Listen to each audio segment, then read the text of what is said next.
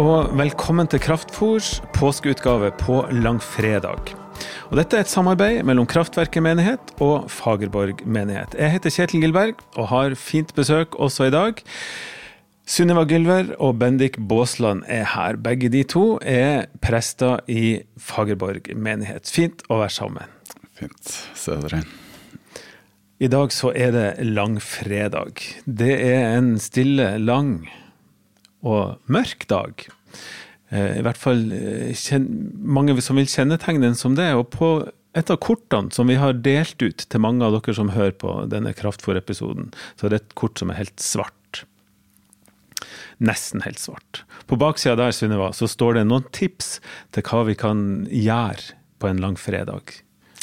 Ja, og eh, de handler for så vidt om litt av det vi ville gjort på en koronafri langfredag òg, for å si det sånn. Eh, vi pleier å ha kirken veldig strippet ned uten noe sølv eller dekorasjoner, men et svart klede på alteret og fem røde roser til minne om Jesu fem sår. Og så er det jo langfredagsmusikk. Kverno, ikke minst, som har noe som heter improperiene. Eh, som er fantastisk eh, musikk og, og tekster som kommer til å lyde ut på kirkeplassen. Så det går an å gå dit og få med seg noe av dette. Eh, I tillegg har vi altså anbefalt å kanskje gå tur til nærmeste kirkegård. Rett og slett eh, tenke litt gjennom livet og døden. Og forgjengeligheten i det hele. Eh, og også da det håpet som ligger bak, som vi skal snakke mer om en annen dag. Og så har vi foreslått å kanskje avstå fra å spise kjøtt, kanskje søke litt mer stillhet, eller på en eller annen måte eh, gå inn i det litt mer nedstrippede og nakne på denne dagen. Ja. Det er gode tips, syns vi. Og Bendik, det er en lang tekst som er satt opp for langfredag, også i år. Eh, og vi skal ikke lese hele den, den er fra Lukasevangeliet. Men kan ikke du lese et utdrag? Det kan jeg gjøre. Da leser jeg litt fra Lukas kapittel 23. Pilatus talte da igjen til dem, for han ville gjerne gi Jesus fri. Men de ropte tilbake, Korsfest, korsfest ham!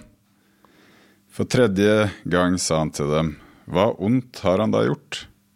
Jeg har ikke funnet ham skyldig i noe som kan straffes med døden. Jeg vil derfor la ham bli pisket, og så løslate ham.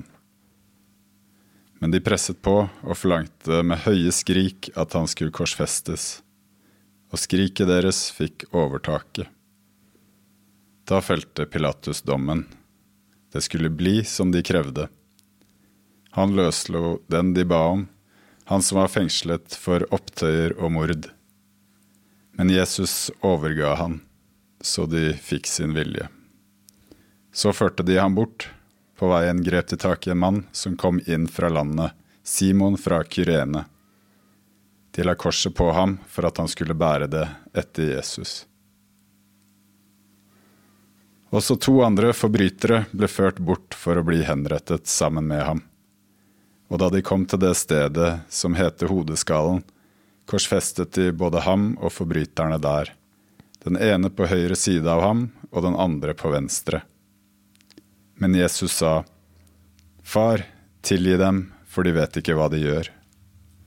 Så kastet de lodd om klærne hans og delte dem mellom seg.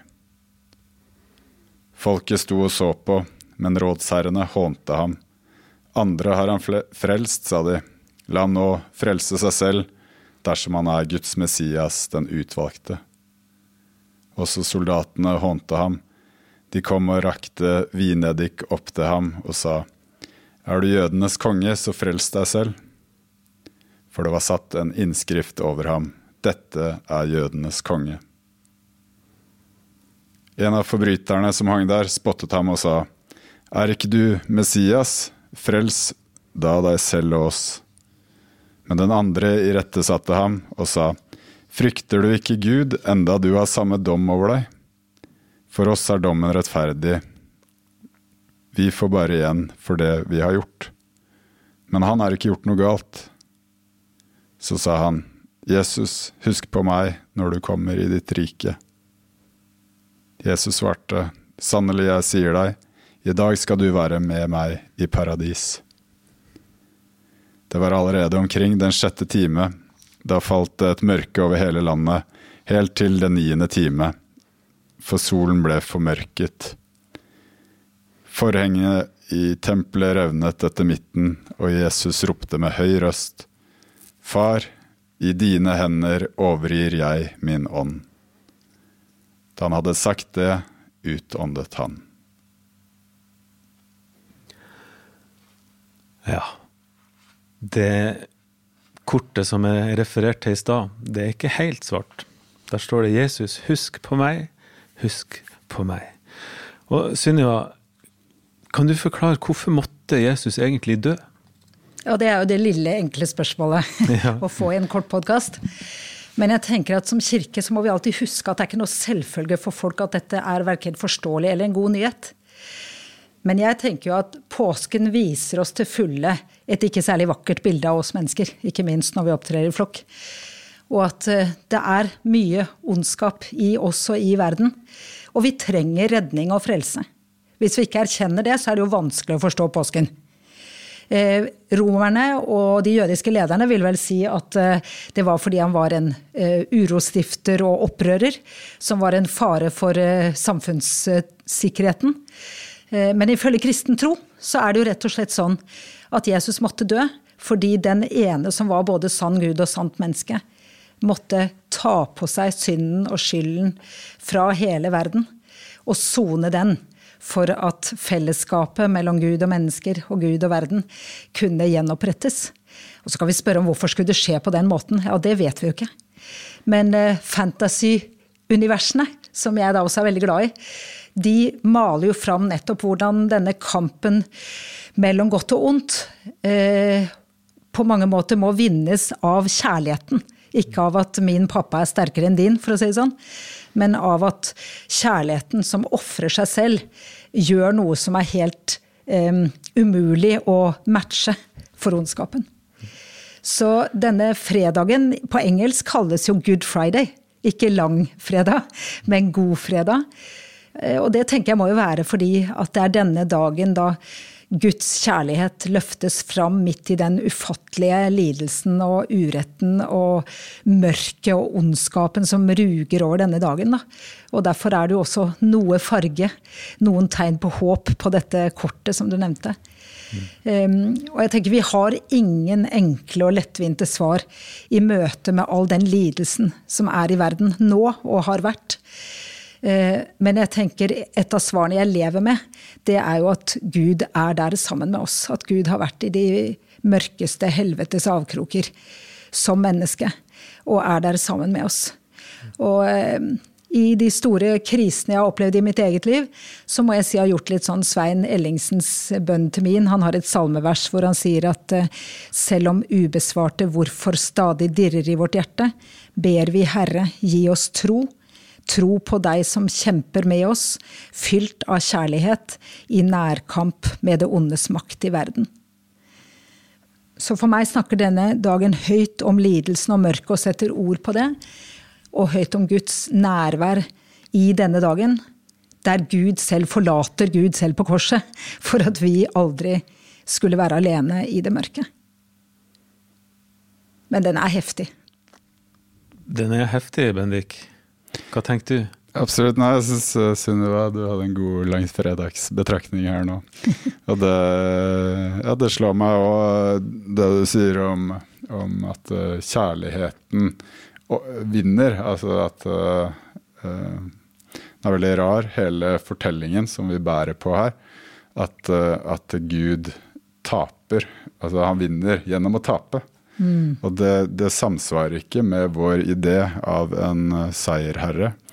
Samtidig så er det ganske mye i livet som, som, som er litt sånn. At, eh, at når vi først gir det opp, eller gir slipp, eller ikke prøver å styre og ordne, men, men overgir oss, at eh, noe godt, godt vokser fram. Så det er en sånn logikk i dette her som, som ikke er så lett å forstå, men som ja, kanskje gir det egentlig mer mening enn man skulle tro. At, eh, at eh, det er når man overgir seg, at man eh, virkelig vinner, eller Men det, men det er kjempe kjemperar fortelling. Ja, og jeg tenker Den skal jo bare ikke misbrukes til, for det har jeg jo hørt noen har opplevd. At på en måte Jesu offer settes opp som et mønster. At på den måten han ofret seg, så skal du også gjøre det. Og blitt, dessverre, da, misbrukt til at noen mennesker som da har vært sårbare og utsatte, eh, har skullet strekke seg på en måte som ikke var bra verken for dem eller fellesskapet. Da. Og da tenker jeg da er vi kanskje litt inne i det der bildet av, av, av, flokkdyret eh, denne dagen. Ja, for Si noe om det. For det, det, er jo noe når vi går i flokk her, og som også denne tekstutdraget eh, viser oss, at det er ikke det er ikke en lystig gjeng. Nei, jeg bare tenker Det der skremmende i at vi går fra Hvis vi skal forholde oss til tekstene, så går vi fra å være en, en eh, dyrkende og hyllende folkemengde til en lynsjende mobb overfor den samme Jesus i løpet av noen få dager. Og mange av oss har jo med oss smertefulle erfaringer av hva som kan skje når mennesker går i flokk på vondt. da. Eh, enten det handler om ansvarsfraskrivelse eller å direkte gjøre grusomheter. Så, så, jeg tenker det viser oss at vi trenger redning og frelse, men jeg tenker det betyr også at vi alltid, når vi snakker om både offer og uh, ydmykhet og sårbarhet, så skal vi ha med et maktkritisk perspektiv da, på at den er ujevnt fordelt. Og jeg vet jo at i begge våre menigheter så er det mennesker med ganske uh, vonde erfaringer av hvordan kirka har brukt og forvaltet disse fortellingene. Mm.